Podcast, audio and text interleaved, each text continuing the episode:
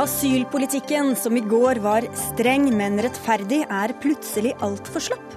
Har vi politikere som bare lager politikk for solskinnsdager? Kina vurderer å straffe banker som gir lån til forurensende selskaper. Et strålende forslag, sier Miljøpartiet De Grønne, som gjerne vil gjøre det samme i Norge. Og deleøkonomien kan føre til sosial dumping, frykter LO. De er bare redde for å miste kontrollen, svarer Venstre.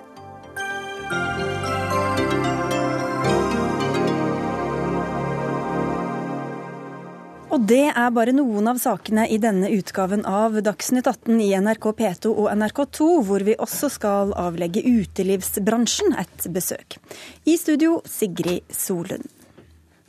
For to måneder siden mente alle partiene på Stortinget, bortsett fra SV og Frp, at Norge førte en riktig asyl- og innvandringspolitikk.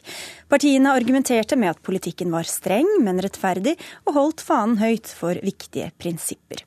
Men så eksploderer antallet asylsøkere, og da snur det samme stortingsflertallet og går inn for innstramminger. Har vi politikere som lager politikk som ikke tåler møtet med en virkelighet som endrer seg? Et retorisk spørsmål vi kan sende videre til deg, Morten Kinander. Du er professor i rettsvitenskap ved Handelshøyskolen BI. For å ta det først, Hvis den prosessen som Stortinget nå er inne i, ender med at et eh, forlik kommer om kraftige innstramminger i asyl- og innvandringspolitikken, betyr det da at politikerne har laget en politikk som sto seg på solskinnsdager, men som eh, rakner når regnet kommer? Ja, langt på vei så gjør det vel det. Men, men jeg, jeg, tror ikke det er noe spesielt akkurat i dette tilfellet. Det jo, vi har jo vært gjennom de siste årene eh, andre eksempler av mye verre art, eh, hvor det har vist seg i etterkant at eh, den politikken som har blitt ført, har vært en solskinnspolitikk. Vi tror vel kanskje ikke i Norge, før vi liksom kjenner det ordentlig på kroppen, at noe, noe uheldig eller noe vi ikke liker, kan komme til å skje. F.eks. Altså, beredskapslovgivningen og Gjørv-rapporten er jo eksempler i så måte. Hvor, eh, hvor, man rett og slett bevisst hadde prioritert å se bort ifra at det kunne bli en ordentlig verveskjerv en gang. Uh, og jeg tror vel også det gjelder i dette tilfellet her langt på vei. Vi har hatt virkelighetsbeskrivelser. Altså Dette her er jo ikke noen, jo ikke noen plutselig hendelse som kommer som et sjokk. Det har jo vært uh, virkelighetsbeskrivelser som har latt seg forutsi lang, på ganske lang tid i, i forkant. Sånn at eh, det har vært mulig å justere, men man har bare ikke villet gjøre det. Men flere av de partiene som nå eh, sitter og diskuterer dette på Stortinget, har jo uh, hevdet at visse prinsipper er veldig viktige.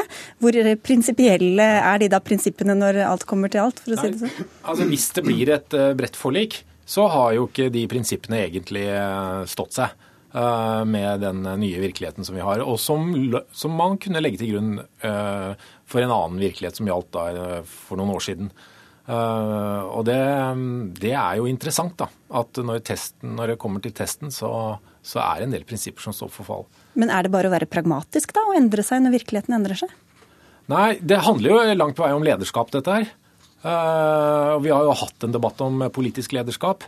Uh, og jeg er usikker på i hvilken grad uh, norske, uh, norske, myndigheter har lært av den lederskapsdebatten. For det, det, å være lederskap har jo med prioriteringer å gjøre og prioriteringer som er uheldige. For bak dette her så er det jo snakk om bevilgninger. Det er jo ikke bare snakk om klagemuligheter og hvor lenge og hvor greie vi skal være. Mm. Vi vil gjerne være greie, eh, men poenget her er at det er en budsjettfordelingssituasjon som egentlig skaper utgangspunktet for prinsippene. Eh, og de må man jo legge til grunn da, når man skal, skal foreta disse bevilgningene. Men så er jo spørsmålet litt også hva slags handlingsrom eh, disse politikerne har. Vigdis Vevstad, du er rådgiver og forsker og ekspert på flyktning- og asylrett. Nå er det kommet en rekke forslag på bordet til innstramminger. Hvis vi ser på ett av dem, å snu asylsøkere med opphold i Russland på grensa uten å realitetsbehandle søknadene deres ordentlig. Er det uten tvil i tråd med internasjonale konvensjoner? Det kan det være.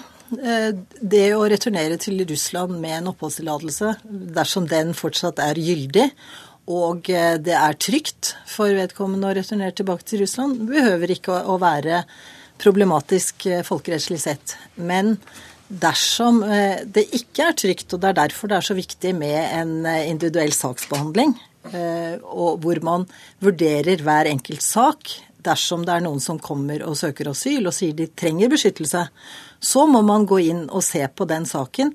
Det ligger i flyktningerettens arbeid, dette med at man må gi adgang til territoriet, man må gi adgang til asylsaksbehandling, til prosedyren. Og så vil det da være avhengig av resultatet der, om man kan eh, få beskyttelse eller ikke. Eh, det kan gjøres ved en hurtigprosedyre. Det kan da gjøres ved at man har en rask saksbehandling med, som er fullverdig saksbehandling i tråd med, med, menneskerettighetene, med en eh, adekvat klagebehandling også.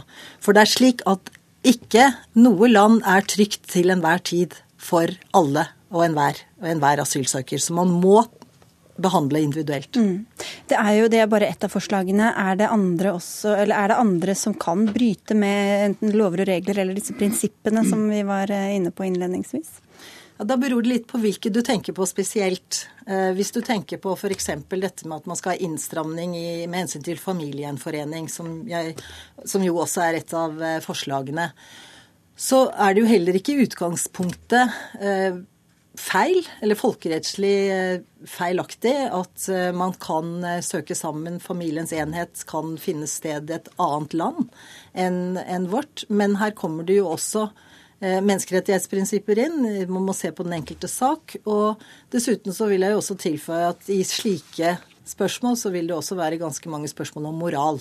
Mm. Om man bør Eh, splitte familier skal man ikke gjøre i prinsippet. Og om det å da returnere ut er den best egnede måten, det må man se på i hvert enkelt tilfelle. Mm. Er det noen av disse forslagene som, som, gjør at vi må fire på Noe er jo moral, som en sier, og noe er eh, regler? Altså, som jeg, så, jeg, jeg tenker ikke at jeg kan gå inn på hvert enkelt av de forslagene, men vi kan se det litt mer generelt. Det tror jeg er litt mer hensiktsmessig. Mm. Jeg, eh, I dag, eh, og sånn som situasjonen, den situasjonen vi er vant til når det gjelder utlendingsforvaltningen, eh, dvs. Si saksbehandlingen av disse søknadene, eh, tror jeg om kort tid kommer til å bli sett på som en svunnen rosenrød tid. Eh, nå har vi lange vedtak per eh, enkelt søker. Vi har uh, tvil. Uh, altså hvis, uh, hvis, det er tvil, så går den i søkerens favør. det er klagemuligheter, det er ankemuligheter etc. etc. Jeg tror om kort tid, hvis det, rikt, hvis det kommer da den, den, det antallet som, som, forventes, så enten så må halve Norge jobbe i utlendingsforvaltningen, eller så må vi korte dramatisk ned på saksbehandlingen. Eh, i det enkelte tilfellet. Og det kommer til å bli vedtak på et par sider, eh, raskt og eh, enkelt, mm. og med minimale muligheter for overprøving. Og det er, bare for å føre til det, det er også spørsmålet i en sak i Høyesterett som står nå i disse dager. Jeg vil jo si at uh, å gjøre dette i, tråd med, med uh, rettsreglene er, er, en viktig ting. Hvor mange sider vedtaket er på, er ikke det som er det alvorlige, men at man følger de prinsippene som er nedfelt. Og i så fall så, så mener jeg jo at da spiller vi for så vidt fallitt hvis vi skulle se bort fra de folkerettslige prinsippene som vi har tatt på oss. Og da, vil vi, da, da syns jeg vi skal ta en lang diskusjon om det. Du skal få se, skal bare få inn en tredjeperson, for vi har prøvd å få både Arbeiderpartiet, Senterpartiet, Venstre, KrF, Frp og Høyre i studio for å svare på spørsmål om politikken de har nei, utformet ikke står seg med en endra situasjon, men ingen av dem kunne komme. Men du er her, Snorre Valen, stortingsrepresentant eh, for SV. Eh, hvor prinsipielt mener du det er, det som skjer nå? Jeg syns det er påfallende at eh, et samla politisk Norge, minus Frp, ropte dugnad i september om og om igjen, og nå roper alle de samme partiene innstramming. Eh, jeg er helt enig med Kinander. Det viser at, at, det som er blitt presentert som prinsipper, eh, nok kanskje ikke er det. Fordi prinsipper går jo også ut på at du står innenfor det også når det koster noe.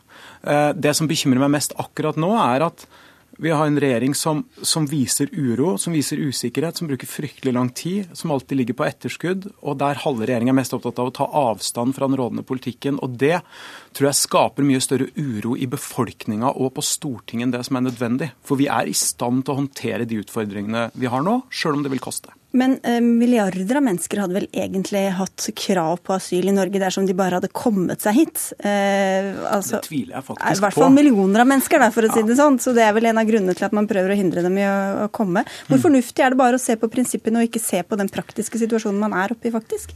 Jeg tror det er viktig å ha en prinsipiell tilnærming som gjør det mulig å gjennomføre den politikken man står for. Eh, og da er det f.eks. sånn at jeg tror ikke matkuponger og, og noen sånne kampanjesider på Facebook er det som endrer bildet internasjonalt nå. Jeg tror for det første at mye mer humanitær hjelp i nærområdene har noe å si. Eh, og noen partier er veldig glad i å bruke det begrepet 'hjelpe de der de er', selv om de kutter. Eh, men så tror jeg også at vi må styrke det apparatet vi har i dag. F.eks. så er PU, Politiets utlendingsenhet, underfinansiert. De har ikke nok penger til å drive retur av de asylsøkerne som helt åpenbart ikke har et beskyttelsesbehov. Og Jo raskere vi får sendt ut de, jo bedre behandling får vi gitt de som har en reell behandling. Vi må bruke mye mer ressurser på UDI, sånn at de har et saksbehandlingsapparat som holder. Og så må vi sørge for at Sør-Varanger kommune har et ordentlig apparat i, i nord. Kinander, mange av de forslagene som blir fremma nå, er jo forslag som Frp har snakket om i mange år. Er dette egentlig en innrømmelse av, fra de andre partiene til at de har rett? Uh, ja, altså det, det, er vanskelig for meg å si, men, eh, men, det er jo eh, men det er i hvert fall en indikasjon på at den fortellingen som Frp har hatt når det gjelder virkelighetsbeskrivelsen, er den som er i ferd med å få gjennomslag. Og og det er jo litt symptomatisk at vi, vi hører jo veldig lite fra Venstre og KrF eh, nå, f.eks., som, som har gått høyt ut med, med enten en prinsipiell eh, fri innvandringslinje eller en sånn omsorgslinje. Uh, og det vi hører fra disse mindre partiene, er jo stort sett, som vi også hørte litt uh, Valen var inne på, uh, krangling internt. Vi, i, i, forrige uke så, så, vi jo debatten på NRK med Solberg, eh, Jensen, Hareide og Støre. Det Hele sesjonen gikk ut på å krangle på tuppen og lillemor-vis hvem som var sure for hvem, for hvem som hadde gått fra et møte. Det var ikke et ord om hva, hva slags tiltak man skulle forene, eh, ene seg om. Men ba, alt man hadde å markere seg på, det var den derre at de andre er så dumme. De, ikke, de, inviterer oss ikke til møte på en ordentlig måte, eller? Men dere sier at, du sier at prinsippene da viker hos de andre, Snorrevalen. Men mener dere ikke i det hele tatt det er behov for en innstramming nå? Vi mener at det er behov for å sørge for at den asylpolitikken vi har, kan følges opp på en ordentlig måte. Og det er litt sånn her, eh, Jeg har ikke tall på hvor mange ganger jeg har sittet her i studio for eksempel, og Frp har sagt at vi vil ha åpne grenser osv. Det har SV aldri ment. Vi er f.eks. et parti som foreslår å bruke mer på UDI og mer på PU i neste års budsjett enn det regjeringspartiene er villige til. Og Det er fordi vi mener at det er viktig at folk får en rettssikker og ordentlig behandling. Men jeg syns vi skal huske at altså bare på Sicilia er det 150 000 mennesker. I Hellas vet ikke jeg hvor mange det er, det er veldig mange. De har slitt i mange år. Men det er jo ikke gitt at de som kommer hit er de som har størst behov for hjelp? Nei, og da kommer jeg til poenget. Eh, de landa i Sør-Europa som har tatt imot svært mange mennesker med et reelt beskyttelsesbehov, har i mange år sagt at resten av Europa må ta et større ansvar. Norge har sittet musestille. Nå er det vi som er Schengens yttergrense fordi det kommer flyktninger over fra Russland. Og Det er plutselig en helt annen situasjon. Og Der er jeg helt enig i at om det er mange som kommer over grensa fra Russland, som ikke har et beskyttelsesbehov, så mener jeg at de må returneres. Men da må man vise lederskap og bruke de ressursene som trengs på å få det til. Og det man driver med nå, syns jeg på regjeringshold og en del stortingspartier, det er fikenblader fordi de ikke vil diskutere det det her faktisk koster, og som, hva som må gjøres. Kan jeg bare nevne én ting til? Erna Solberg burde jo for lengst ha sørga for hastebevilgninger til Sør-Varanger, og hun burde for lengst ha innkalt partene i arbeidslivet til å være med å ta et felles løft for å finne ut hvordan vi skal få integrert alle disse menneskene som har et beskyttelsesbehov, uten at det påvirker det norske arbeidsmarkedet i negativ retning. Man kan ikke alltid være på etterskudd, og sjøl den tilleggsproposisjonen vi behandler i Stortinget i høst for økte flyktningkostnader, er allerede utdatert. Det er det store problemet. Ikke nødvendigvis at partiene er opportunister, men at de ikke gjør det som må til å vise trygt lederskap. Og de har sikkert store innvendinger til den virkelighetsbeskrivelsen du nettopp ga. Da får de møte opp. har du en avsluttende kommentar her, Kenander? Nei, altså jeg, jeg, tenkte bare jeg skulle eh, svare på dette her. Eh, det jeg mener om eh, forvaltningen i i tiden fremover er ikke uttrykk for noe innvandringspolitisk syn. et, Det er en virkelighetsbeskrivelse. Vi kommer til å behandle asylsøknader opp og ned og fram og tilbake. Hvis vi forts og, og Poenget mitt heller var, var, heller ikke at det kommer til å bryte med folkerettslige prinsipper. Vi må ha en raskere behandling, og det kommer til å gå på bekostning av grundigheten. Jeg får strenge blikk her, men du får avslutte raskere helt til behandling. Ja, raskere behandling, det er jeg absolutt med på. Og jeg syns det var veldig bra, og jeg har lyst til å slutte meg til dette som å løfte blikket her må vi se ut mot det som skjer på europeisk basis. Og det kan jo f.eks. Norge også bidra til, at vi tar noen initiativ den veien. At vi eh, gjør et samarbeid på det europeiske plan her, og ikke bare tenker i forhold til hva som skjer på vår egen grense akkurat nå. Vi får eh, avslutte der og si tusen takk til dere som i hvert fall kom til studio. Vigdis Vevstad, Morten Kynander og Snorre Valen.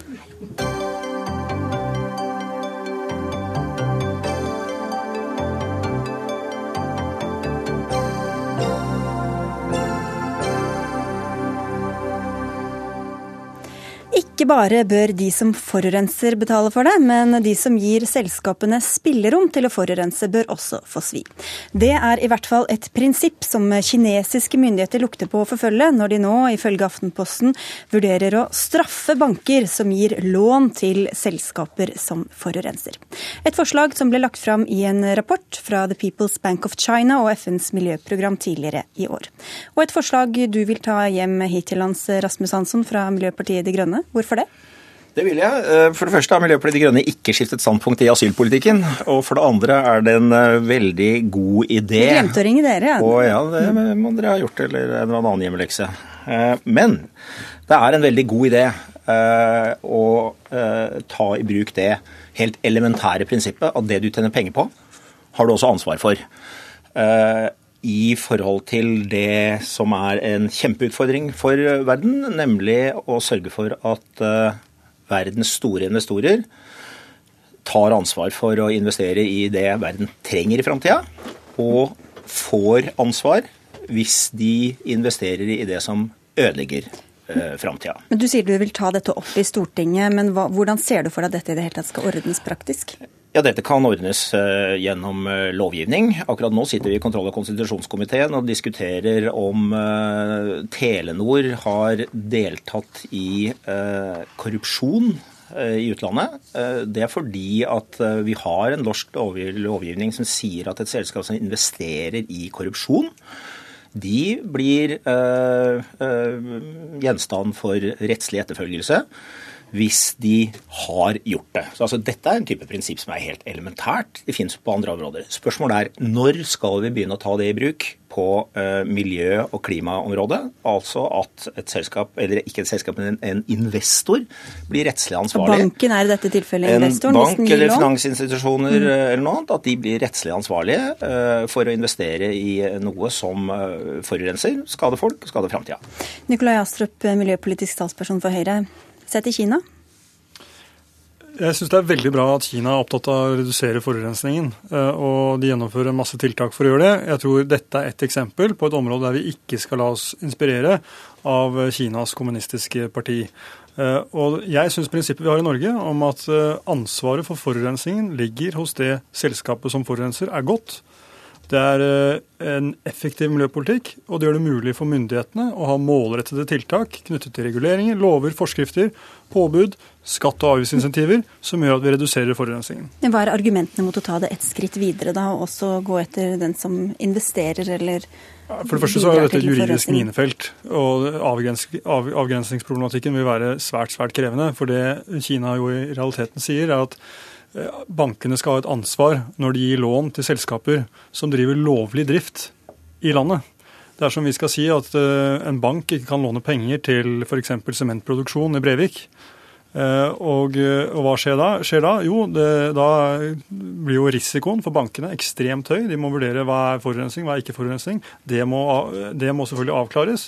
I tillegg så er det en risiko for at da kapitalmarkedet i Norge tørker inn. Det er en risiko for at selskaper etablerer seg i andre land.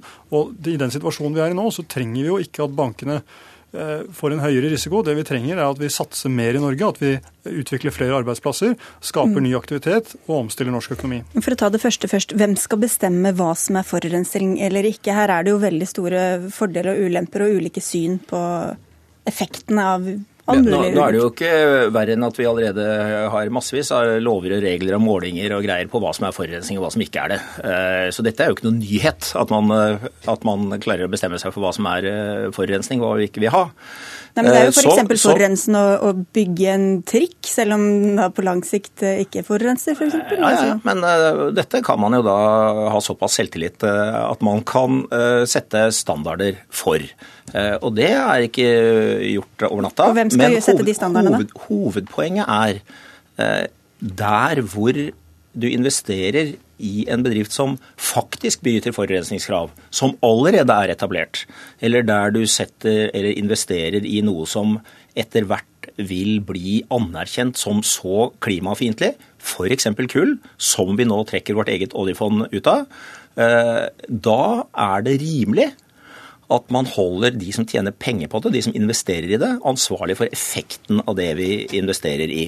Og Dette eh, inneholder sikkert noen juridiske utfordringer, men det er jo ikke sånn at vi kan la være å ta eh, jobben for å eh, redde miljøet ett skritt videre, bare fordi noen i dag sier at det er eh, juridisk litt kilent. Ja, Så dårlig selvtillit har dere vel ikke at dere ikke tror dere kan ordne opp i det, eller hva, Astrup?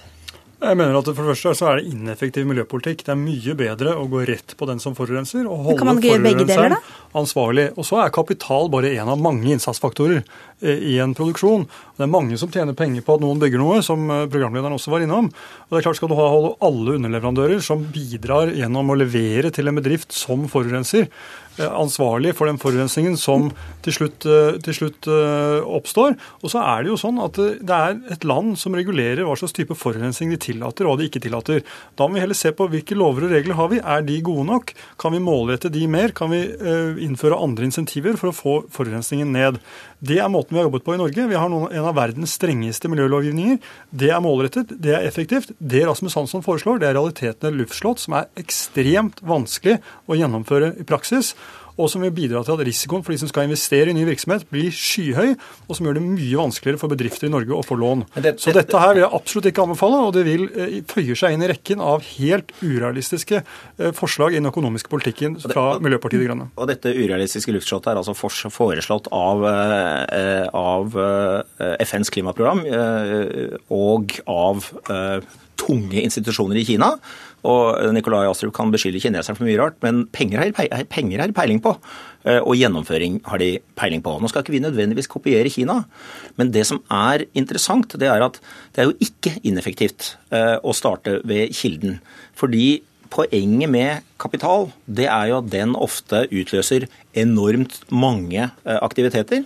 Og hvis vi istedenfor bare å løpe etter alle de enkeltaktivitetene, fabrikkene osv. eh, som den kapitalen eh, setter i gang, også ansvarliggjør selve kapitalen, så får du mye større effekt. Og du får rettet kapitalen i Norge og verden inn mot de virksomhetene vi trenger, og ikke inn mot de virksomhetene vi ikke har For det lyst på. vil jo gjøre det mindre attraktivt å investere i, hvis man allerede vet da, hva som ville vært eh, innbefattet, eh, Astrup, i den Det er ganske mye som forurenser her i verden. Landbruk forurenser, mat trenger vi. Eh, Skal bank, skal, Men det kunne jo dere satt opp en liste over hva ikke som var- hva dere ønsket å ha med der og ikke? For å utvikle, utvikle gården sin, for å ta det eksempelet. Eh, Det som vi anser som miljøvennlig teknologi i dag, f.eks., eller gammeldags teknologi, men som er miljøvennlig, sykkelproduksjon, som MDG er veldig for, er det, eh, det er også forurensende. Skal ikke de få lån av banken? Altså Her er det noen avgrensningsutfordringer som er enorme. Og jeg mener at det er mye mer effektivt at vi går rett på kilden, holder den som forurenser ansvarlig, og heller skjerper de lover og regler vi har for å holde forurensningen nede, fremfor å gå omveien om det som i realiteten er et luftslott fra Miljøpartiet De Grønne. Ja, de vil som sikkert vanlig gjøre ligger. Miljøpartiet De Grønne noen uh, runder foran Høyre når det gjelder å ta i bruk miljøvirkemidler. Og jeg tror dette kommer til å skje. Ok, takk skal dere ha i hvert fall begge to. Rasmus Hansson fra MDG og Nikolai Astrup fra Høyre.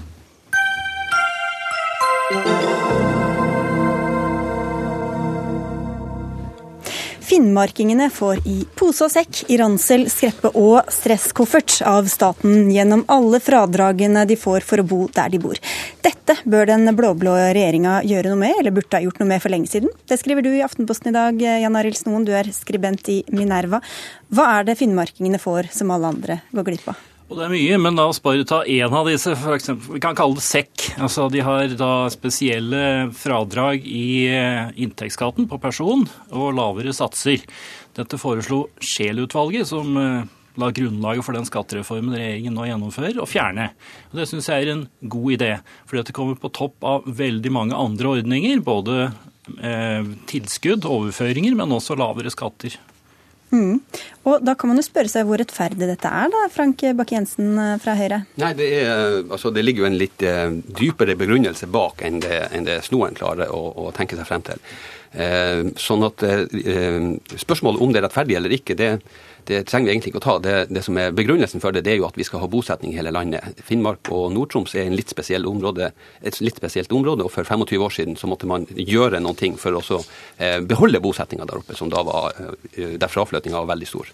Da tok man noen grep. Man, eh, gjorde, noen, eh, man gjorde, noen, skattegrep. Man eh, gjorde også noen andre grep for, for å få løfte antall fagfolk og få fagpersonale dit, sånn at vi hadde ei befolkning som klarte seg på den måten òg. Ja, hva tror du hadde skjedd med bosettinga hvis du fikk det som du ville? Uten noen virkemidler så hadde det sikkert gått ned. Men nå er det sånn at arbeidsledigheten i Finnmark er på samme som på landsbasis og betydelig lavere enn f.eks. i Oslo, i Rogaland og mange andre steder. Inntektene i eh, Finnmark er eh, før skatt, før disse ordningene jeg snakker om, så er inntektene i Finnmark like høye som i Østfold og høyere enn i Oppland og Hedmark. De får ikke noe skattelette i Oppland og Hedmark pga. det. Nei, Det er jo andre steder som sliter med bosettinga også? Da. Jo, det, det, er helt i orden. Men nå tror jeg ikke vi er i forhold til territoriale krav at vi, er, vi starter nå debatt om å få Jämtland og Herjedalen tilbake. Altså, Der er noen spesielle begrunnelser for det. Og så er det sånn at eh, man, man, Du må også gå inn og se på befolkningsstatistikken. og Det er ennå sånn at eh, befolkningsøkninga i Finnmark er mye mye lavere enn snittet i resten av landet. altså Det flytter færre dit. Demografien gjør at den befolkninga eh, endrer seg. Vi er altså avhengig av å fylle på med en del fagpersonale, med en del unge mennesker etter hvert, for at samfunnene skal fungere. Det gjør at vi har litt andre ordninger der oppe enn man har her. Men altså, Noen har vært innom noen, det er altså flere, flere særordninger. Hvis dere nå skulle begynne helt fra bunnen av, tror du at dere ville kommet opp med samtlige av disse særordningene da? Nei, altså det er jeg jo enig i at en gjennomgang. Men du hevder jo også Snoen i sin artikkel at, at så, så, du er ikke enig i at alle burde vært der, da? Jeg er enig i at, at man alltid må se, og de her endrer seg også over tid. Det er jo ikke sånn som, som Snoen sier, at de er konstant. Men, men han hevder jo at Scheel-utvalget ikke fant noen begrunnelse for det. Det er jo for at de ikke har leita, for at det er faktisk gjort forskning på det som viser både hva av dem som virker, hvordan de har virka, og at det her har vært positivt over tid i forhold til å ha eh, vellykka samfunn der eh, oppe. Noe som en stor del av det politiske Norge faktisk eh, vil ha. Men allikevel så er dette altfor mye, og det er urettferdig. Altså Hvis det er så ille å bo i Finnmark at ingen vil bo der uten å få masse penger fra søringene, så må det jo være noe fundamentalt gærent. Jeg synes ikke, dette er altså, Bare de ordningene jeg snakker om, det er ca. 11 000 per eh, voksen. Arbeidsgiveravgifta 30 000-40 000 per arbeidsplass. Strømmen 4000 kroner per husholdning. Og det er bare på dette, dette, så er det masse på overføringer også. Kommuner og fylker i Finnmark får mye mer enn alle andre. Eh, så til sammen så blir dette altfor mye og urettferdig. Og vi nå snakker om at vi skal liksom være solidariske og det må strammes litt på det her og der, ja, så bør dette også være en ordning. Men hva burde strammes inn, og hva burde beholdes, da? Ja, la oss ta disse skatteordningene først. Også. De har 15 000 kroner i, i særeget skattefritak, eh, skattefradrag. De har 3,5% lavere skattesats på nettoinntekt, 2% lavere bruttoskatt. De tingene de burde vekk. Det er 11 000 per, eh, per sysselsatt. Og så er det da alle de andre tingene. La oss beholde dem så lenge, da.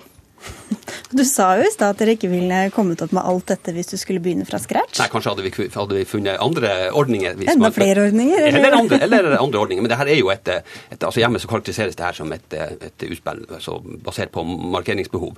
Eh, for at, for at, eh, Det er ikke noe så stor diskusjon i dag om at det, det, det, det er differensiert. Altså Arbeidsgiveravgifta er jo differensiert over hele landet. Det er jo ikke bare en ordning som Finnmark nyter godt av. Det er faktisk eh, regionalstøtteregelverket i EU. sånn at det der er det Mye lavere hos dere Men, men... Ja, Det er nå helt greit, men altså, det, det, er et regelverk som, som, gjelder over hele landet. Og så er det jo ikke sånn at, eh, at man bestandig altså Hvis vi skulle følge noen sitt, eh, sitt, eh, regnskap og gjort det best, så burde alle bo i blokk i Oslo, og så tok vi trikken på jobb. Men da burde vi få til men det, men det, er jo sånn at er, er, altså, distriktene skaffer eksportinntekter. Vi, vi, vi, skaffer en del inntekter for å drifte det velferdstoget som, som Snoen mener finnmarkingene snylte på. Jeg mener finnmarkingene bidrar faktisk til en viktig del av det velferdstoget. Men hvorfor skal de eh, ha så mye bedre ordninger? Hvorfor, altså, du nevnte blokk i Oslo. Det er ganske dyrt å bo i noen byer eh, her i landet. Hvorfor skal ikke man få av fradrag for det, da? Ja, men Vi har det jo ennå sånn at folk velger hvor de vil bo. Og en del av de insentivene som de her ordningene gjør at flere velger å bo i Finnmark. Det gjør at vi har en befolkning som en bosettingsdyktig befolkning der oppe. Noe som er viktig for, viktig for kongeriket Norge. Både av territoriale hensyn, men også av hensyn til at vi skal fylle på velferdskassa med utbygging i Barentshavet sørøst. Vi har store fiskerier, vi har eh, havbruk som, som eh, kommer opp. All den industrien fyller på det velferdstoget der Snoen egentlig vil sitte alene og bare være byråkrat og bygutt. Ah. Dere fyller på noe, men dere fyller på mindre enn alle andre, og dere trekker mer ut enn alle andre. De eksportinntektene som kommer fra denne delen av landet, fyller altså på betydelig altså, mer enn, de, enn det, det som kommer andre plasser. At det finnes gass utenfor Finnmark som dere sier er deres, det er jo bare juks. Eh, og det vet alle som, som lager disse regnskapene. Nei, men noen, de, Der er jo en del innbyggere som bor der oppe som hjelper til å utvide den gassen og skaffe de eksportinntektene. Ja, det hadde ikke vært vanskelig å få utvinnet det, altså. Vi får eh, stoppe der. Takk skal dere ha, i hvert fall begge to, Jan Arild Snoen og Frank Bakke Jensen.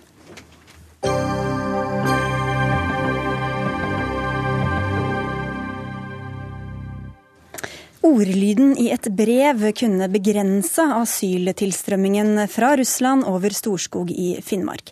Det sa i hvert fall grenseinspektør Ulf Gøran Mathisen i gårsdagens Dagsrevyen.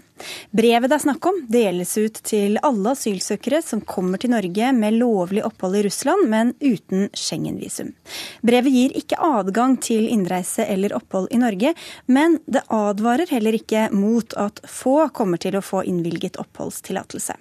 Så grenseinspektør Ulf Gjøran Mathisen, du var altså i Dagsrevyen i går. Hva mener du burde stått i dette brevet?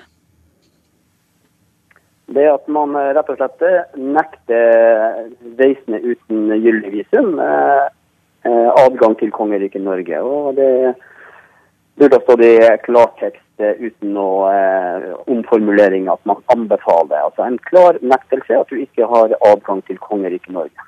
Hvorfor er det så viktig hva, hva som står i dette brevet? Det er fordi at det gir da russiske grensemyndigheter en mulighet til å kunne snu de som ikke har gyldig visum eller innreise til Norge, mulighet til å snu dem mens de fortsatt står på russisk side, så at de ikke må komme over på norsk side for å eventuelt da søke asyl eller si asyl eller osv., så, at de da skal kunne ha en Eh, kjøres gjennom en behandlingsrunde. Og Hvorfor er du så sikker på at denne ordlyden hadde hatt, eh, hatt så mye å si? Det er fordi at eh, det har man foreslått fra russisk eh, grensemyndigheters side som et forslag til å prøve å løse det som man nå står midt oppi. Og Det har man faktisk gjort fra russisk side og prøvd å påpeke helt tilbake til 2012. Da du gikk ut med dette til NRK i går, sa du at du kan risikere å miste jobben din i Grensekommissariatet. Hvorfor er det så viktig for deg å fortelle om dette? Det er viktig at uh, allmennheten får vite om at man med små, enkle grep kunne ha unngått det her. Og uh, ja, Det gjenstår jo fortsatt å se om man tør å prøve denne løsninga her. Det er ingen som har spurt om man eh, kan teste det ut og se om det her funker.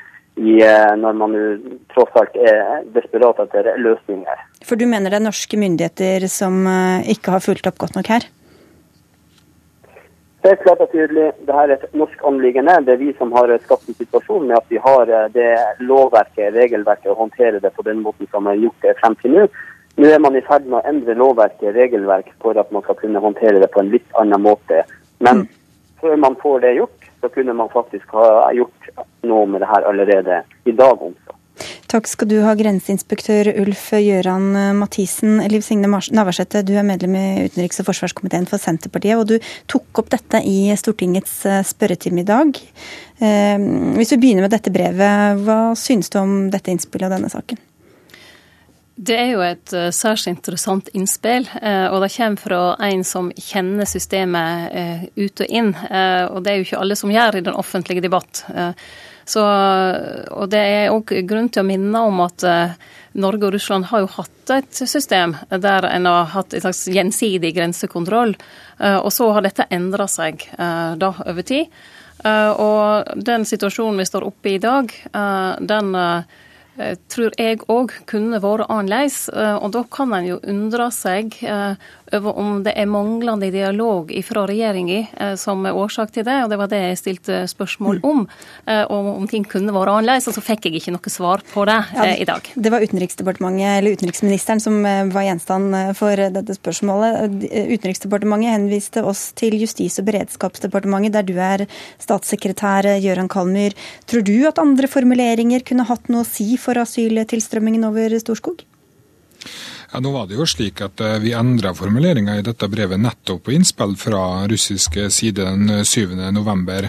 Eh, dessverre så har vi nok ikke sett at man har fått den virkningen som grenseinspektøren her nå sier at man kunne fått. Eh, hvorvidt man kunne ha endra på en eller annen bokstav i dette brevet, kan godt være. og så klart Ingenting ville vært bedre enn at dette var en quick fix, og vi kunne bare endre på en bokstav i et brev, så var alt løst. Dessverre så er nok denne situasjonen langt mer alvorlig og utfordrende enn akkurat det. Navarsete, du setter dette også inn i en større sammenheng. Hva, hva mener du det viser om Norges forhold til Russland nå? Det er viktig å, å, si at jeg ikke har svaret på, på disse spørsmålene, men jeg syns det er betimelig å stille spørsmål om, eh, om regjeringa gjennom den siste tiden. Det er helt rettmessig å ha påpekt Russland sitt brudd på folkeretten. Det mener både jeg og Senterpartiet at en skal gjøre. Men om en har vært mer opptatt av eh, å skape avstand enn å skape dialog. Eh, for eh, En kan jo vise til hvordan en opplever dette fra finsk side. Hvis en er i Moskva, så er det jo lett å sette seg på toget ikke sant, til St. Petersburg og videre inn til en av de ti grenseovergangene til Finland. Men de opplever ikke det samme som, som Norge gjør. og Da blir spørsmålet hvorfor ikke, og hva er det noe som den norske regjeringa burde gjort annerledes? Men hva, hvordan har Finland forholdt seg til Russland, da? Ja, Det har ikke jeg innsyn i, eh, hva dialog de har hatt. Men Så du vet ikke om det har noe å si, da? Det kan tyde på at de har en tettere dialog enn mm. den norske regjeringa har hatt. Og, og, det er jo det som er spørsmålet, Så jeg mener iallfall er gjenstand for debatt. Og så får regjeringen svare ut eh, det på sitt vis. Men eh, vi står oss uansett på å ha et, en god dialog med Russland, sjøl om vi skal og må påpeke de bruddene de har gjort på folkeretten i forhold til Ukraina. Regjeringa, det er deg det, Gøran Kammer? Ja, Nå er det jo først og fremst Utenriksdepartementet som håndterer dialogen med Russland. Eh, men jeg tror nok det at det er grunn til å tenke litt gjennom hvilken signal man også sender. Eh, fordi at eh, det er helt klart at Russland har vært i en internasjonalt eh, pressa situasjon etter annektering av eh, Krim. Eh, spørsmålet er jo om det er lurt å sende signal om at man ikke er enig i hvordan man skal håndtere Russland-spørsmålet i Norge, i en situasjon der vi ønsker at Russland skal stoppe en migrasjonsstrøm til Norge. Hva betyr det at du ikke vil at Senterpartiet skal stille disse spørsmålene? Nei, det er ikke det jeg har sagt. Men jeg tror det at det kan være grunnen til at man er ganske enige om akkurat de utenrikspolitiske spørsmålene. Eh, og jeg tror det kan være grunn til å ikke begynne å spekulere altfor mye i hva man burde ha gjort og ikke burde ha gjort, før man i hvert fall har undersøkt eh, fakta, hva andre land gjør, og sammenlignet med hva Norge gjør. Så jeg har lyst til å bare si det at en av de største grunnene til at man fikk den migrasjonsstrømmen til Norge, eh, det er jo nettopp fordi at mange opplever at Norge har invitert dem til Norge. De sier jo sjøl at Norge har jo vedtatt at man skal ta imot flyktninger, og her kommer vi. Eh, og Det er ikke helt enkelt å forklare at nei, det var ikke slik eh, et flertall i Stortinget mente når man skulle ta imot eh, kvoteflyktninger.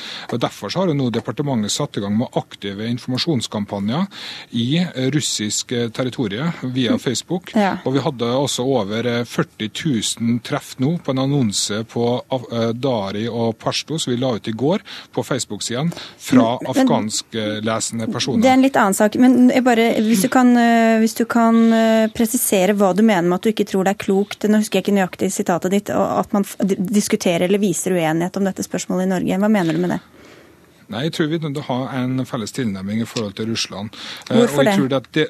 Nei, altså Det som er viktig nå, det er rett og slett at, at vi er samstemte i hva som bør være norsk utenrikspolitikk. Det har vi alltid vært. Eh, og jeg tror det er viktig nå at vi har en klok tilnærming til akkurat dette Russland-spørsmålet. Men hvorfor er det så viktig? Men det som er viktig for å forhindre asyltilstrømninga Men hvorfor det er, det så viktig å ikke ha debatt om det, men å, men å være enige? Jeg har ikke sagt at det ikke er viktig å ha debatt om det. Men det. Liv, men det Liv Signe eh, her har tatt til orde for, det er jo en kritikk av norske myndigheters eh, holdning til Russland, og mener at vi har hatt for lite dialog med Russland. Eh, og det, det er jeg nok ikke enig i i hele tatt. Det er viktig å presisere hva jeg spurte om i dag. Eh, ikke tillegge meg motiv som jeg ikke har. Jeg har stilt meg 100 bak eh, utenriksministeren og regjeringa sin holdning eh, i Ukraina-spørsmålet, og det er ikke diskusjonstema. Men derifra til ikke å stille spørsmål, når vi får lagt på bordet fakta, i alle fall påstander, som tyder på at regjeringa har forsømt seg på en sjanse der den kunne ha hindra at den situasjonen Men hva vil du oppnå med det nå i denne situasjonen her, da? Å stille spørsmål om det? Det er jo rett og slett eh, å sette fokus på årsakssammenhengene. Eh, For eh, Nå sier Kalmyr og regjeringa at årsaken til at vi har den situasjonen på Storskog, det er at stortingsflertallet og Stortinget vedtok at vi skulle ta imot 8000 eh, flyktninger. Det tror jeg ikke. Jeg tror at årsaken eh, er annerledes. og Da er det vår plikt som folkevalgte som skal ivareta Norge, både sine grenser og territorium, og stille spørsmål om årsakssammenhengene, sånn at vi kan forhindre at slike Men- situasjoner oppstår senere. Og det er det jeg Men, har eh, gjort i dag. Jeg har ikke påstått noe. Ja. Jeg har bare stilt et enkelt spørsmål, og at utenriksministeren da hisser seg litt opp over det, og, og beskylda meg for eh, ikke å stille seg bak han eh, i kritikken av Russland kontra folkeretten, det får bli utenriksministeren sitt eh, problem. Ja, det var ikke meninga at du ikke kunne stille spørsmål om f.eks. hva grenseinspektøren har sagt, for det er så, klart et interessant spørsmål. Mm. Men jeg tror nok dessverre det at eh, det er ikke en så enkel løsning på det. Men eh, så klart, eh, hadde det vært mulig å gjort det, så hadde vi gjort det for lenge siden. Eh, Og det tror jeg faktisk den forrige regjeringa hadde gjort også. Eh, Vi hørte jo han sjøl, han, sa at eh, det var siden 2012 man hadde varsla om dette. Eh, Ja, vi Det, det var derfor det var så Liv Signe som satt i regjering. Det var bare så, Derfor var det litt rart da, at ikke jeg kunne få det svaret fra utenriksministeren, hvis det, hvis det var det som var svaret. Men jeg fikk altså ikke det, og derfor eh, er vi kanskje her nå. Ja, nå fikk du svaret fra Gøran Kalmyr. Vi er nødt til å avrunde der. Takk skal dere ha begge to, Gøran Kalmyr og eh, Liv Signe Navarsete.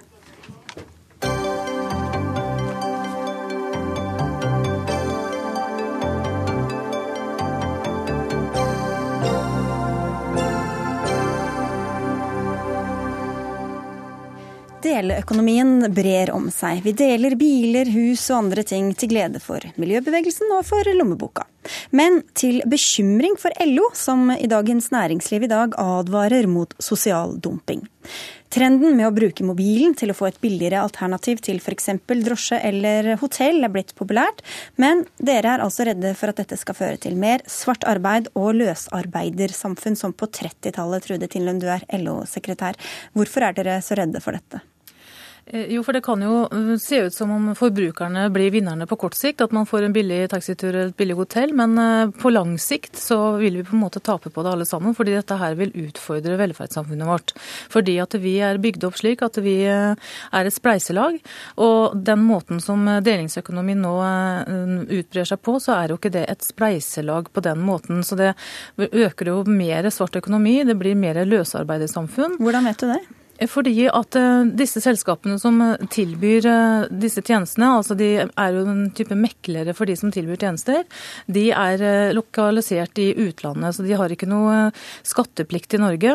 De har ikke, ikke noe selskapsskatt eller noen ting. De har ikke noen ansatte, for de tar bare en avgift for å på en måte formidle andres tjenester.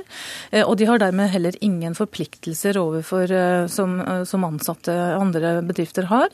Altså Det er rett og slett en kommersiell virksomhet som må reguleres på linje med alle andre eh, bedrifter og virksomheter, og som dermed da må bidra til eh, å betale for vår velferd gjennom skatt og avgift bl.a.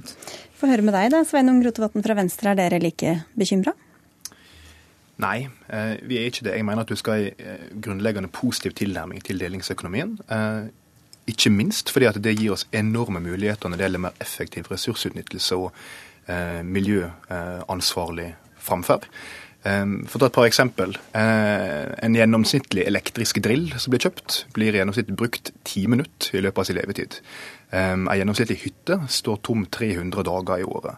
Og Slik kan jeg fortsette med biler og gjesterom og det ene og det andre. Poenget er det er masse ressurser der ute som folk tidligere ikke har klart å få til å finne hverandre. Nå gir internett og mobilapplikasjoner en mulighet til å gjøre det på en trygg måte. Eh, til å få kompensasjon for det. Eh, og det er stort sett bra for absolutt alle sammen. Nå må vi jo skille litt mellom uh, de forskjellige tinga som, uh, som, man tilbyr gjennom delingsøkonomien, da. Ja, Hva er bra og hva er dårlig? Altså, det, det som Rotevatn her er inne på, at man på en måte selger brukte ting, eller at man på en måte leier ut et rom hos seg selv uh, eventuelt, altså det er et litt annet nivå. Vi har heller ikke noe mot at folk hjelper hverandre. Det vi er uh, bekymra for, er det løsarbeidersamfunnet vi kan se antydningene til. For det er ikke slik at en sånn type delingsøkonomi som Uber bl.a. Det er denne taxi-appen. Det er den taxi-appen, mm. ja. Det er ikke det at det fører til flere arbeidsplasser, trygge, faste arbeidsplasser innenfor taxinæringa. Altså, eh, det blir jo da mer løsere tilknytning, ikke sant. Og, de er jo da forplikta til å f.eks. oppgi sin egen inntekt. Det vil antageligvis da ikke skje. Eh, og de har jo heller ikke noen arbeidstakerrettigheter som sådan. Så det blir på en måte mer over til, til løsarbeidersamfunnet, som vi håper vi er ferdig med her i landet. Å kalle det for et løsarbeidersamfunn det mener jeg blir å ta i bruk både for sterke og helt feil ord. Eh, det det er snakk om er at ganske mange eh, som ikke før har hatt muligheten til det, kan få ei nyttig biinntekt, eller kanskje til og med ei hovedinntekt, pga. de nye mulighetene som dukker opp. Men jeg skal gi LO rett i én ting. og det er klart at eh, Delingsøkonomien Eh, utfordre en del av den tradisjonelle tankegangen vår når det gjelder rundt eh, hva en arbeider er for noe, hva en eh, selvstendig næringsdrivende er. Og, og jeg og Venstre mener at vi framover er nødt til å møte dette her gjennom særlig ett tiltak, og det er at velferdsrettigheter, pensjonsrettigheter, rett til sykelønn osv. At det er mest mulig likt på tvers av kategorier og på tvers av sektorer, slik at det er mulig å ha mobilitet, og slik at også de som jobber som selvstendig næringsdrivende, eksempelvis ved å leie ut et rom eller kjøre bil, at de kan få lik rett til sykelønn og lik rett til f.eks. Okay, så det må organiseres og kontrolleres bedre enn det, det... Ja, Problemet er at vi i dag har opparbeidet dette skillet der du som selvstendig næringsdrivende har dårligere velferdsrettigheter enn det arbeidere har. Og Det har vi i Venstre jobba lenge for å gjøre noe med. Eksempelvis i år så har selvstendig næringsdrivende fått lik rett til pleiepenger som arbeidere, noe venstresida har kjempa imot. Det gir dem lik rett som andre til å være hjemme når de har syke barn. Sånn må vi tenke også på andre ordninger for at dette skal mm. gå innenfor de rammene vi er vant til i Norge. Er dere litt for konservative i LO? Altså, vi er opptatt av et godt organisert arbeidsliv, fordi det er en av de viktigste virkemidlene i den norske modellen, som har gitt oss så mye, så, og Norge så mye gode resultater opp igjennom. og Det er vi opptatt av å ta vare på, for det er en del av den norske modellen. Og Det som Rotevatn nå er inne på, det er blitt, eh, dette har vært oppe flere ganger av de som ikke har tenkt seg godt nok om, og heldigvis har myndighetene avvist det hver gang. For Vi kan jo sette det litt på spissen. Hvordan skal man kunne eh, håndheve et system hvor en selvstendig næringsdrivende til tilsynelatende ufrivillig blir arbeidsledig. Altså Man snakker om like rettigheter i forhold til, eh, i forhold til eh, arbeidsledighetsstønad f.eks. Dette her er et forsøk på å undergrave kollektive, de kollektive ordningene, og det er et forsøk på å undergrave det organiserte arbeidslivet som vi er så avhengig av i Norge. Men hvorfor er det mye viktigere enn å få utnytta ressursene som Rotevatn er inne på, og få både med miljø og det økonomiske aspektet det har for folk? Ja, altså det er, som jeg sa i stad, det er et bredt spekter i forhold til delingsøkonomien. Så, så noen heier på delingsøkonomien eh, rett ut fra idealisme, at man skal på en måte dele på hvis man har et ledig rom man kan leie det ut hvis man ønsker å selge noe som er brukt. Altså Det er én side av det. Og en annen side av det er det som på en måte eh, utfordrer arbeidstakerrettighetene, som utfordrer det organiserte arbeidslivet, og som kan føre til mer svart økonomi og dermed en trussel for velferdssamfunnet. Så vi må skille litt på tinga her. Så det er rett og slett kommersiell virksomhet. Og vi er ikke imot det. Vi er ikke imot sånn at vi skal uh, forby det. Det tror vi ikke noe på. Men vi ønsker ønsker at vi i et trepartssamarbeid, særlig fordi at vi ser også at arbeidsgiverne har, har sammenfallende eh, meninger om det, at vi finner gode løsninger på hvordan vi skal regulere dette her, sånn, så det bidrar til fellesskapet. Og ikke haste inn i det da, Rotevatn. Nei, men Dette er jo ikke vi politikere som har inn i at dette kommer, uansett om, om LO vil eller ikke. Det er en stor global utvikling. Men vi som politikere har en oppgave, og det legger til rette for at folk får gode velferdsrettigheter. Og det er ikke noen trussel mot velferdssamfunnet at selvstendig næringsdrivende får bedre retter til sykepenger. Det mener jeg er bra. Det styrker velferdssamfunnet. Og så vil jeg si en ting til sist. og det er at Vi har jo delt og levert tjenester til hverandre på seg alltid. Men når en før på en måte, det var litt kjennskap og vennskap på telefoner og 500-lapper som skifter hender og sånt, nå blir det faktisk mer organisert organisert gjennom registrerte selskap, gjennom applikasjoner, kredittkort, etterprøvbare transaksjoner. Og da blir det faktisk enklere å kreve inn avgifter og moms og skatt, slik en bør gjøre. Det blir ikke vanskeligere. Vi får avslutte der. Eh, takk skal dere ha, i hvert fall begge to, for at dere kom til Dagsnytt 18 i dag.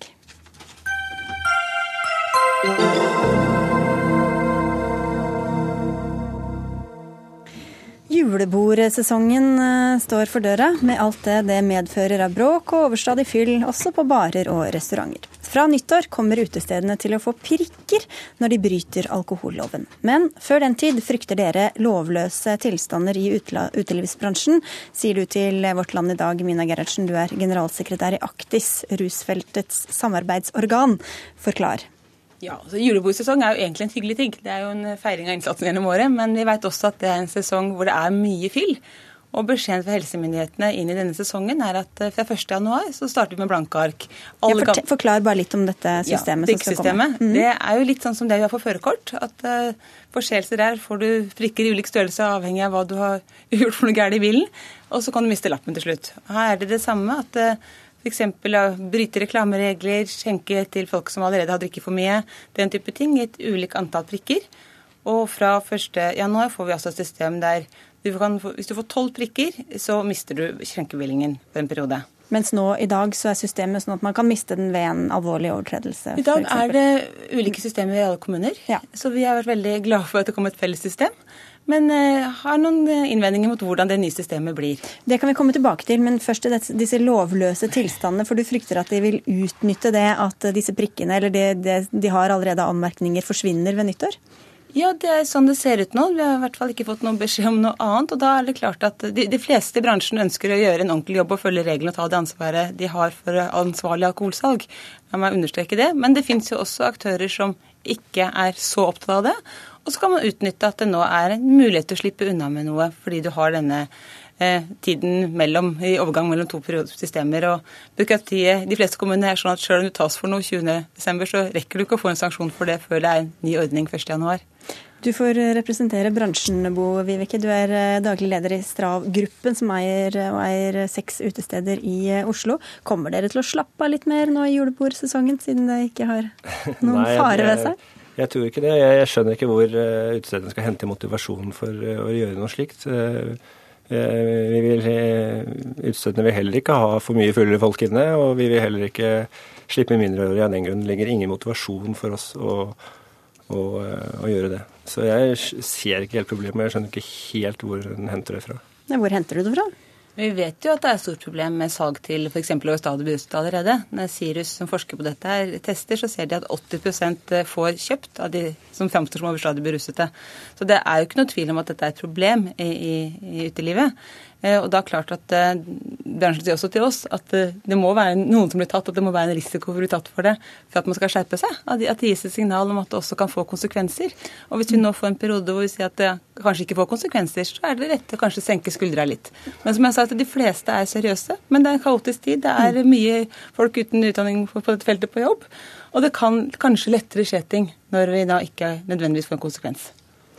Nå er det jo slik i dag at uh, du kan miste bevilgningen uh, på én overtredelse på én kveld. Uh, så du kan jo likevel miste den i den perioden. Jeg, jeg skjønner ikke helt at det er at, Svært alvorlig hendelse, selvfølgelig, men det finnes jo et spekter her. Så det som ikke er så alvorlig, det får du bare slette av. Da kan vi spørre deg, Morten Wold fra Fremskrittspartiet, du er medlem i helse- og omsorgskomiteen på Stortinget. Hvorfor skal de gamle syndene forsvinne ved nyttår, når det nye systemet trer i kraft? Det vil alltid være sånn at når man går fra et system til et annet, så vil det på en måte være en, en overgangsperiode. Eh, men det er jo ingen som i utgangspunktet skal slippe unna selv om et nytt system innføres. Jeg tror vi skal ha større tiltro til bransjen enn det eh, Gerhardsen gir uttrykk for. fordi norske, norske bransjer som driver i restaurantmarkedet er stort sett veldig seriøse. Du vil ha en del useriøse aktører i enhver bransje, men dette nye systemet er innført nettopp med tanke på å, å luke ut de som begår gjentatte brudd på loven. Mm. Sånn sett så blir det like regler i alle kommuner, og det er den store fordelen med dette systemet. Men du ser også noen ulemper ved systemet, Gerhardsen? Ja, vi, har, vi, aktis, vi var veldig for dette prikksystemet, å få en nasjonal samordning av regelverket, fordi vi så at det er mange kommuner som ikke gjorde jobben slik de burde, og det var veldig stor variasjon. Så den likebehandlingen har vi vært veldig for. Men når vi nå kommer til sluttresultatet, så syns vi det har blitt for næringsvennlig framfor at trygghet og trivsel for folk har vært det viktigste. Hva er det dere kritiserer da? Eh, F.eks. så er det veldig mange kommuner i dag som har det sånn at hvis du skjenker mindreårige, som er en alvorlig ting, at da mister du bevilgningen eh, på den ene hendelsen. Nå kan du gjøre det pluss litt annet før det får konsekvenser. Mm. Nå kan du skjenke overstadig tre ganger før det får konsekvenser. Så vi syns at vi har fått et regelverk som er for svakt. Så du mener det at hvis en 17-åring har greid å lure seg inn på et falskt legg, og det er veldig vanskelig å se om det er et falskt legg eller et ekte legg, det er, det er en utfordring i seg selv, så paradokset er jo det at det du ønsker, er at en hel bedrift med alle de millionene som er investert i den bedriften, og at kanskje 50 ansatte som er ansatt der, skal miste jobben og stenge stedet, mens en 17-åring som har sneket seg inn med falskt legg, går fri. Det er jo liksom det ytterste konsekvens. Det vi mener er at etikkordningen bør være en minstestandard. Og så kan kommuner som ønsker å gjøre en ytterligere innsats, sånn som Oslo gjør med dette dialogprosjektet, sånn som andre gjør med Men de burde miste skjenkebevilgningen med det eksempelet? Gi maks antall prikker da, ved at en mindreårig blir skjenket? Jeg mener at kommuner som har den ordningen, ikke skal være nødt til å miste den her. Men eh, hele poenget her er jo hvorfor har vi alkoholloven? Det er jo for å begrense skade. Jeg vet at det er sterk sammenheng ja, mellom fyll, vold, seksuelle overgrep. Så det er jo få ansvarliggjort men, men, men, vi kan jo høre med Frp-eren her også, hvorfor dere prioriterer, som, eller ifølge Nina, Mina Gerhardsen, da, prioriterer eh, næringa framfor eh, helseaspektet her? Vi gjør begge deler, fordi at altså, hovedlinjene i den norske alkoholpolitikken ligger fast som en følge av samarbeidsavtalen mellom de fire partiene. Det er ingen stor liberalisering på alkoholområdet i Norge. Det er viktig å understreke at eh, vi står overfor økende arbeidsledighet. Eh, restaurantbransjen sysselsetter veldig mange mennesker. Derfor er det også viktig å ha næringspolitiske tankegang. Så dere vil gjøre det vanskeligere å stenge, å stenge bedrifter?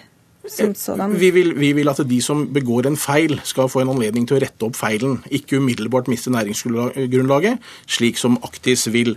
Og at Aktis, som tidligere var Eh, avholdsfolkets landsråd, eh, at de, er, at de er uenige med meg, det er liksom like eh, spennende som at Miljøpartiet De Grønne er bekymret for CO2-utslipp. Vi syns det er spennende nok, vi. Vi drar dere inn i studio. Gerhardsen? Ja, Det ble vel litt søkt å gjøre dette her til et spørsmål om å bevare arbeidsplasser. Dette er en lov som er der for å ivareta tryggheten til folk, for å unngå fyll og vold. Og vi vet at åtte av ti voldstilfeller ute i byen eh, eh, helgen er, er, relatert til alkohol. Så det å få ned den fylla, det bør det være et felles engasjement for. Da er det mange ting vi må gjøre. Det er å satse på politi, det er å satse på ansvarliggjøring av utelivet. Og så er jeg helt enig med det, det vi sa før ned, at folk må også ta et ansvar sjøl. Men dagens sak er at vi har et, et reglement som settes i gang ved 1.1, som gjør at det blir svekket eh, skjenkekontroll i forhold til hva det er mange Men, men dere er glad for nye prikkesystemer? Ja, vi, Det vi ønsker er jo en, en, en forebyggende eh, mildere straff enn at man mister bevilgningen. Vi er en stor bransje. Vi er, ligger foran eh, fiskeribransjen rett etter oljen og sysselsetter masse unge mennesker og er også en integreringsnæring. Det er en kjempeviktig bransje for Norge nå fremover. Problemet med bransjen er at hvis rammebetingelsene blir for usikre, så får du ikke seriøse aktører som vil satse langsiktig. Men til det eksempelet du nevnte med denne 17-åringen som ja. sniker seg inn. Dere vet jo at dere ikke skal skjenke ja, under ja, men, men, hvilken rolle spiller det at du får åtte prikker, eller hva det er for noe? Det, det, kan jo like gjerne skje en gang til. Hva annet kan dere gjøre? Å... nei, nei, selvfølgelig, men du har, du, du har en viss forutsigbarhet til å kunne stramme inn. ikke sant? Å kunne stramme inn enda mer. Kan dere ikke da stramme inn like mye fra begynnelsen? Jo, det gjør vi jo, men det er jo, eh, i omgang med alkohol så er det jo tilfeldighetene som rår. ikke sant? Og det er så da er det like tilfeldig om det skjer to ganger eller om det skjer én gang, da?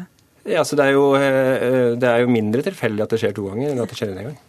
Men, altså, men, når mennesker ramler rusa rundt i byen, så handler jo det også om at veldig mange skjenker seg utenfor skjenkestedenes kontroll.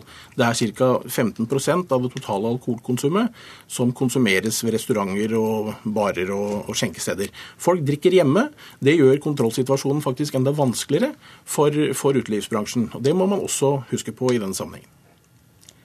Men det, det, vi snakker om her, er jo hva som skjer i utelivet. Det er helt enig at vi skal være bekymret for alkoholkonsumet i det norske hjem også. Det er nok av ting å bekymre seg for. Nok av ting å bekymre seg for. Men her er det ikke først og fremst levra til folk som er hensynet i denne diskusjonen, det er tryggheten til folk som er ute i byen. Og Da er det å se på de ulike virkemidlene vi har. Og det å bidra til at vi får en seriøs utelivsbransje som tar ansvar for å prøve å bidra til å redusere vold. Jeg opplever at veldig mange tar den jobben. Det, må være positivt. Det her er jo bare at det man ikke ønsker, er at tilfeldighetene skal rå det at folk blir fulle plutselig eh, i løpet av en kveld, det skjer. Vi må avslutte der. Si tusen takk for at dere kom, Mina Gerhardsen, Morten Wold og Bo Vivike. Fordi Dagsnytt 18 har ikke mer tid. Vi må bare takke for oss, Dag Dørum, Finn Lie og jeg, Sigrid Solund.